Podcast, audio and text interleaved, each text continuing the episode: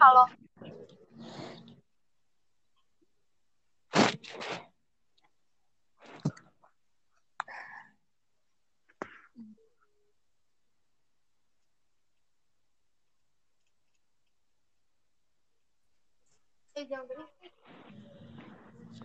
Oke.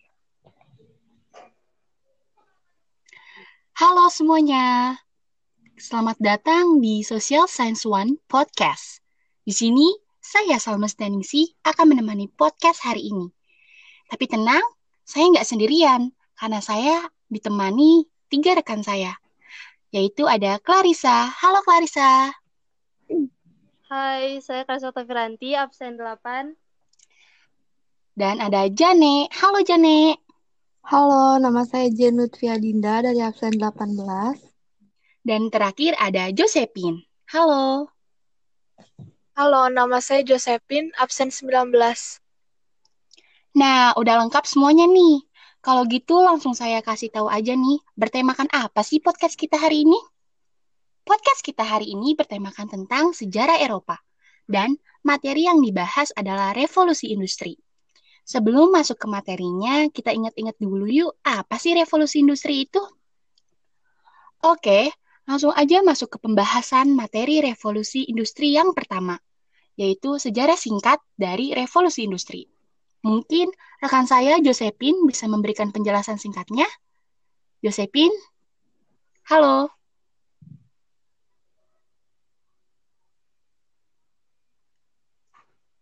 Halo, Josephine? Iya, halo. Iya. Silakan Jadi, penjelasannya. jadi revolusi industri adalah perubahan yang sangat cepat dalam bidang ekonomi.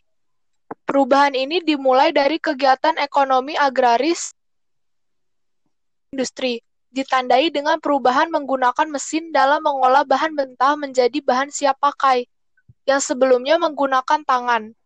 Sejarah singkatnya, revolusi industri pertama kali terjadi di Inggris dan membuat hasil pertanian di Inggris bisa diproduksi dalam jumlah besar dengan tenaga kerja yang sedikit dan harganya terjangkau. Setelahnya, revolusi industri menyebar ke seluruh Eropa. Tak hanya Eropa, jejak revolusi industri juga diikuti oleh Amerika Serikat, yang kala itu sudah jadi negara merdeka. Revolusi industri di Amerika Serikat banyak terjadi dalam bidang transportasi, sehingga bisa mengubah negara tersebut menjadi satu pasar tunggal besar bagi barang-barang hasil industri. Oke, berarti di sini bisa dikatakan bahwa revolusi industri itu adalah uh, perubahan yang sangat cepat dari kegiatan ekonomi agraris ke ekonomi industri, ditandai dengan adanya perubahan dalam penggunaan mesin dalam mengolah bahan mentah menjadi bahan siap pakai. Oke, uh, yang kedua ini ada penyebab terjadinya revolusi industri. Uh, mungkin Clarissa bisa bantu jawab. Jadi penyebab jadi penyebab revolusi industri ini awal terjadinya itu di Inggris disebabkan oleh beberapa faktor yaitu situasi politik yang tidak stabil, penemuan baru di bidang teknologi, Inggris kaya akan bahan tambang dan masih banyak lagi. Dan setelah adanya revolusi industri di Inggris, negara Inggris jadi mampu menghasilkan produk yang dibutuhkan di pasaran dengan harga yang terjangkau. Dengan menghasilkan produk menggunakan mesin, kebutuhan pasar dapat terpenuhi dengan baik dibandingkan menggunakan cara tradisional atau manual. Proses inilah yang menjadi penyebab adanya revolusi revolusi industri di Inggris. Oke, baik. Kalau dari pemaparan yang tadi sudah dijelaskan ya, Clar, uh, tadi Clarissa bilang kalau di situ adanya penemuan baru di bidang teknologi.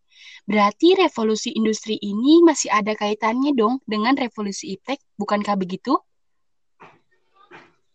Iya iya masih masih berkaitan gitu sama revolusi iptek karena di revolusi iptek ilmu, teknologi dan pengetahuan berkembang dan kemudian terciptalah suatu penemuan baru berupa tenaga mesin yang nantinya akan menggantikan, menggantikan tenaga manusia dan hewan di masa revolusi industri ini. Oke, kalau misalkan tadi udah ada sejarahnya, udah ada faktor atau pengaruhnya, uh, pasti di revolusi ini ada dampaknya dong. Uh, apa sih dampaknya dari revolusi industri ini? Uh, Jane, mungkin bisa bantu jawab? Jadi, dampak dari berbagai bidang yang sangat terasa bagi masyarakat yaitu munculnya industri secara besar-besaran meningkatkan mutu hidup, harga barang-barang kebutuhan jadi murah, berkembangnya kapitalisme modern, adanya dorongan golongan kapitalis untuk menjalankan imperialisme modern. Tapi sayangnya revolusi industri yang berupaya untuk memperbaiki masalah tentang keterbatasan dalam produksi sebuah komoditas malah menimbulkan banyak dampak dampak yang negatif. Contohnya, tenaga manusia semakin tidak dihargai atau semakin rendah karena perusahaan lebih memilih menggunakan mesin karena walaupun biaya mesinnya mahal, bayarnya hanya sekali dan sisanya biaya perawatan selama enam bulan, tidak seperti tenaga kerja yang dibayar per bulan.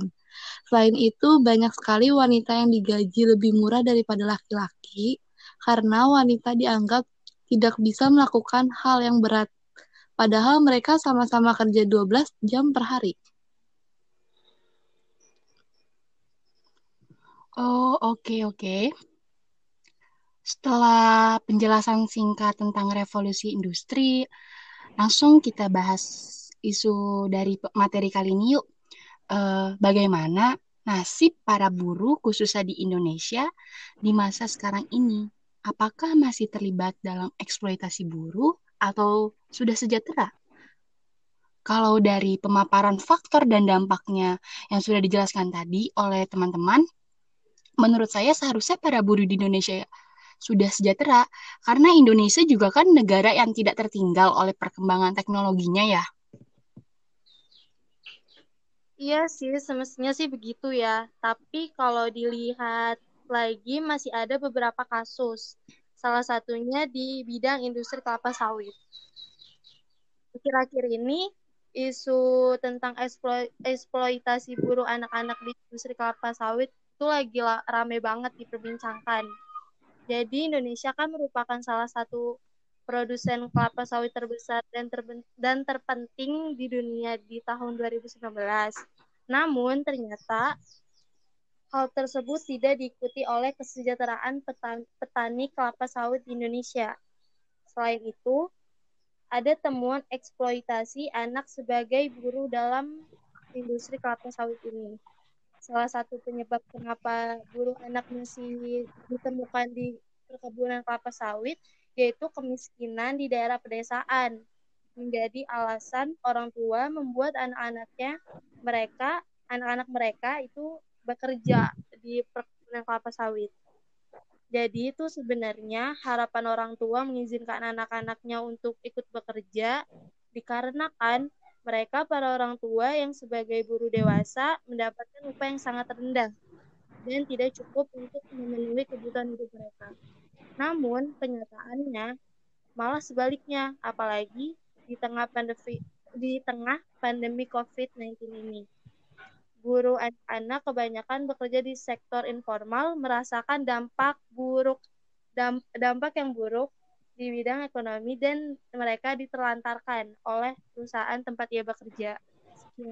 Uh, iya betul sekali masih ada eksploitasi ya ternyata. Ya kalau misalkan kita uh, nambahin juga nih ya, uh, kalau misalkan kita masih ingat nih berita nggak lama juga sih berita ini tuh muncul ya kan akhir-akhir uh, bulan kemarin atau ya pokoknya nggak lama ini berita muncul tentang eksploitasi buruh di salah satu pabrik es krim uh, yaitu pabrik es krim yang kemarin tuh sempat jadi sponsor waktu Asian Games yaitu es krim ice ya kan siapa sih yang nggak tahu es krim ice ya kan dan iya. ternyata tuh es krimnya nggak iya. semanis uh, pekerjanya gitu karena di mana uh, para buruh itu bekerja di luar batas waktu normal, terus upah di bawah minimum. Eh, lagi-lagi uh, perempuan hamil yang dipekerjakan itu non-sip, sehingga sebagian dari buruh perempuan tersebut harus mengalami keguguran, serta tidak ditanggungnya jaminan kesehatan oleh perusahaan. Sedih banget ya. terus di sini juga Tapi pihak perusahaan membantah bahwa dalam PT-nya tidak ada kegiatan eksploitasi buruh. Namun uh, para buruh tetap menyanggah uh, apa namanya? Menyanggah bantahan si PT ini dan buruh tuh terus memberikan bukti-bukti yang konkret yang sudah terjadi gitu. Ada juga nih isu tentang buruh rokok. Di upah rendah tetapi pengusaha rokok jadi orang terkaya. Selain petani tembakau, golongan lain yang dianggap sering dijadikan tameng untuk melindungi kepentingan industri rokok di Indonesia, dari data Badan Pusat Statistik tahun 2013-2014 yang dimilikinya memperlihatkan bahwa buruh di industri rokok justru menjadi pekerja dengan upah paling kecil dibandingkan sektor yang lainnya atau setara dengan bayar untuk buruh industri rokok. Kan mereka sebagian besar adalah kaum perempuan yang menjadi ibu rumah tangga. Upahnya rendah karena dianggap bukan tulang punggung utama bagi keluarganya. Di situasi ini yang dinilai membuat para buruh gampang dimanfaatkan sebagai tameng oleh para pelindung kepentingan industri rokok. Banyak yang di PHK karena perusahaan tersebut mulai menggunakan mesin untuk memproduksi rokok. Nah, selain itu, ada juga kasus yang pernah diungkapkan oleh Lembaga Solidaritas Perempuan, yaitu adanya 66 laporan kasus kekerasan dan pelanggaran hak pada perempuan buruh migran sepanjang tahun 2016. Laporan tersebut didominasi oleh persoalan gaji, entah gaji yang nggak sesuai entah gaji yang nggak sesuai UMR, sampai adanya trafficking. Trafficking itu artinya perekrutan, pengiriman, pemindahan, dan penampungan atau penerimaan seseorang dengan ancaman atau penggunaan kekerasan, atau bentuk lain dari pemaksaan kayak penculikan, penipuan, kebohongan, atau penyalahgunaan kekuasaan.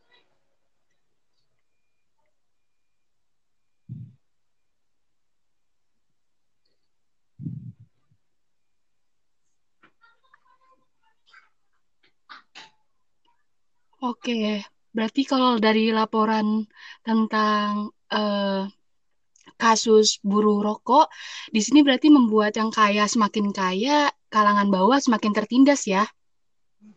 Betul. Ya, kayak gitu. Iya, berarti dari isu-isu tersebut yang telah disampaikan oleh teman-teman sekalian, kita bisa simpulkan bahwa memang buruh di Indonesia tuh belum mencapai titik kesejahteraannya.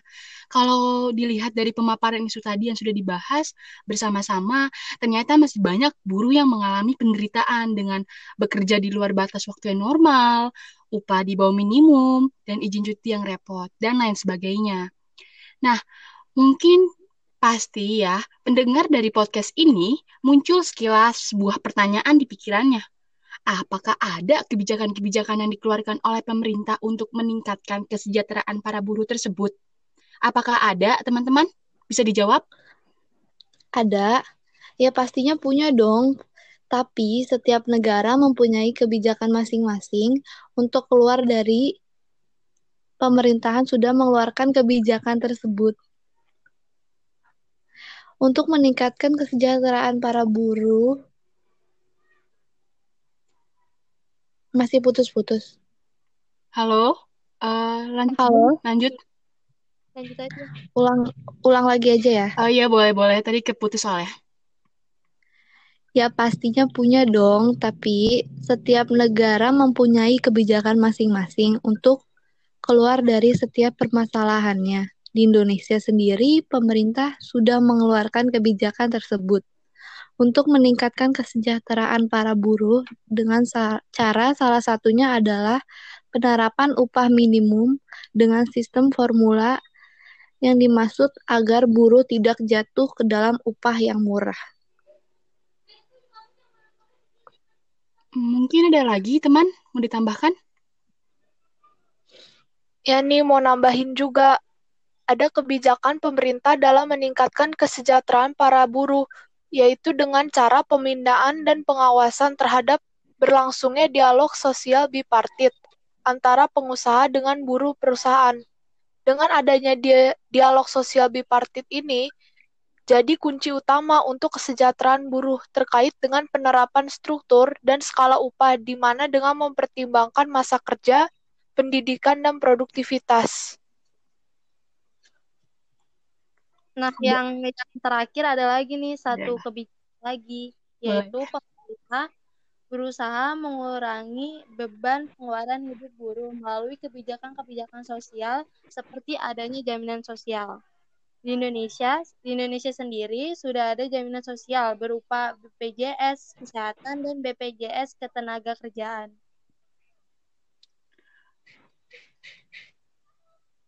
Ya mungkin itu ya mungkin itu aja sih kebijakan-kebijakan pemerintah dalam meningkatkan kesejahteraan buruh. Oke, kalau dari kebijakan-kebijakannya sih uh, ya ini bisa aja gitu ya uh, untuk meningkatkan kesejahteraan buruh, terus hilangnya eksploitasi buruh. Uh, ya mungkin gitu aja uh, podcast yeah. kita hari ini tentang berbincang-bincang tentang uh, sejarah Eropa dengan materi revolusi industri dan semoga tidak ada lagi uh, eksploitasi buruh gitu ya di Indonesia terus buruh-buruh juga bisa sejahtera. Nah, oke, okay. bisa damai. Iya. Oke, ya udah. aja podcast hari ini. Sampai jumpa. Selamat mendengarkan. ya, sampai jumpa di podcast Social Science One selanjutnya. See you. Dadah. Dadah. Dadah.